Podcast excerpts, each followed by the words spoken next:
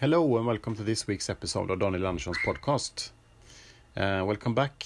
It's great that you tuned in to this podcast. I uh, have been doing this now for, yeah, it's episode 32, I think this one. And um, yeah, yeah, I think it's becoming better and better. I also have this new microphone, which is uh, a little bit of an investment in this podcast. But I think I, I want to have good, good things.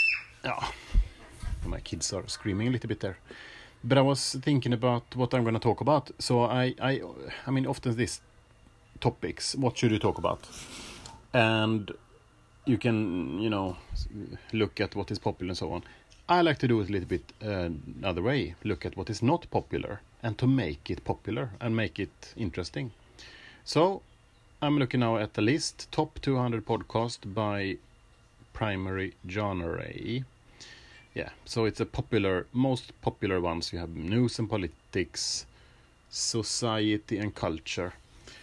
Le least popular, literature. Yeah, literature. It's a little bit surprising. So that's what I'm going to talk about literature. literature. And literature, liter, it's difficult to say. Literature. Literature. Um, I read a very book, good book uh, the, the, this weekend. Uh, I haven't finished it yet. It's called First Blood by David Morrell. Came out in the 70s. It's a fantastic story about a young man coming home from Vietnam War. And he is um, walking, starts, the scene starts, starts uh, he walks uh, along the street. Uh, he has like just a bag over his shoulders, walking on the street. Police car shows up, saying, "You cannot enter this town." Why not? I just came back from the war. I need to. I just want to, you know, find a job. No job here. Get get lost, he says. And then it starts. He gets rejected by society uh, all the time, while he has been in fighting for for his country becomes a little bit disillusioned about what why did I go to Vietnam when I'm just no one respect me here back home. He has long hair, um, tight jeans. He uh, also had hamburger in a bag, in a paper bag, and a Coca-Cola. I'm not sure where he got that from, but he ate that, and then he kind of hid it in the bushes like he did when he was in the war to uh, you know so nobody could find him a little bit had this feeling that that is oh can't really forget.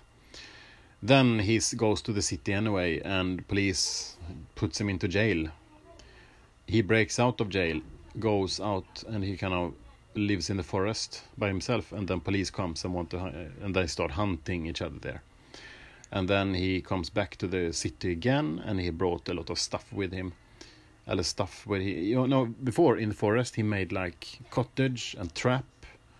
Um, he had a knife. Yeah he had a big knife as well. And you can unscrew the handle of the knife and inside there you had matches compass a um, little bit of flintstone what do you call it? Flintstone. Uh, this also dry material that you can use to make fire um, and also on the on the blade on the sword and on the um, knife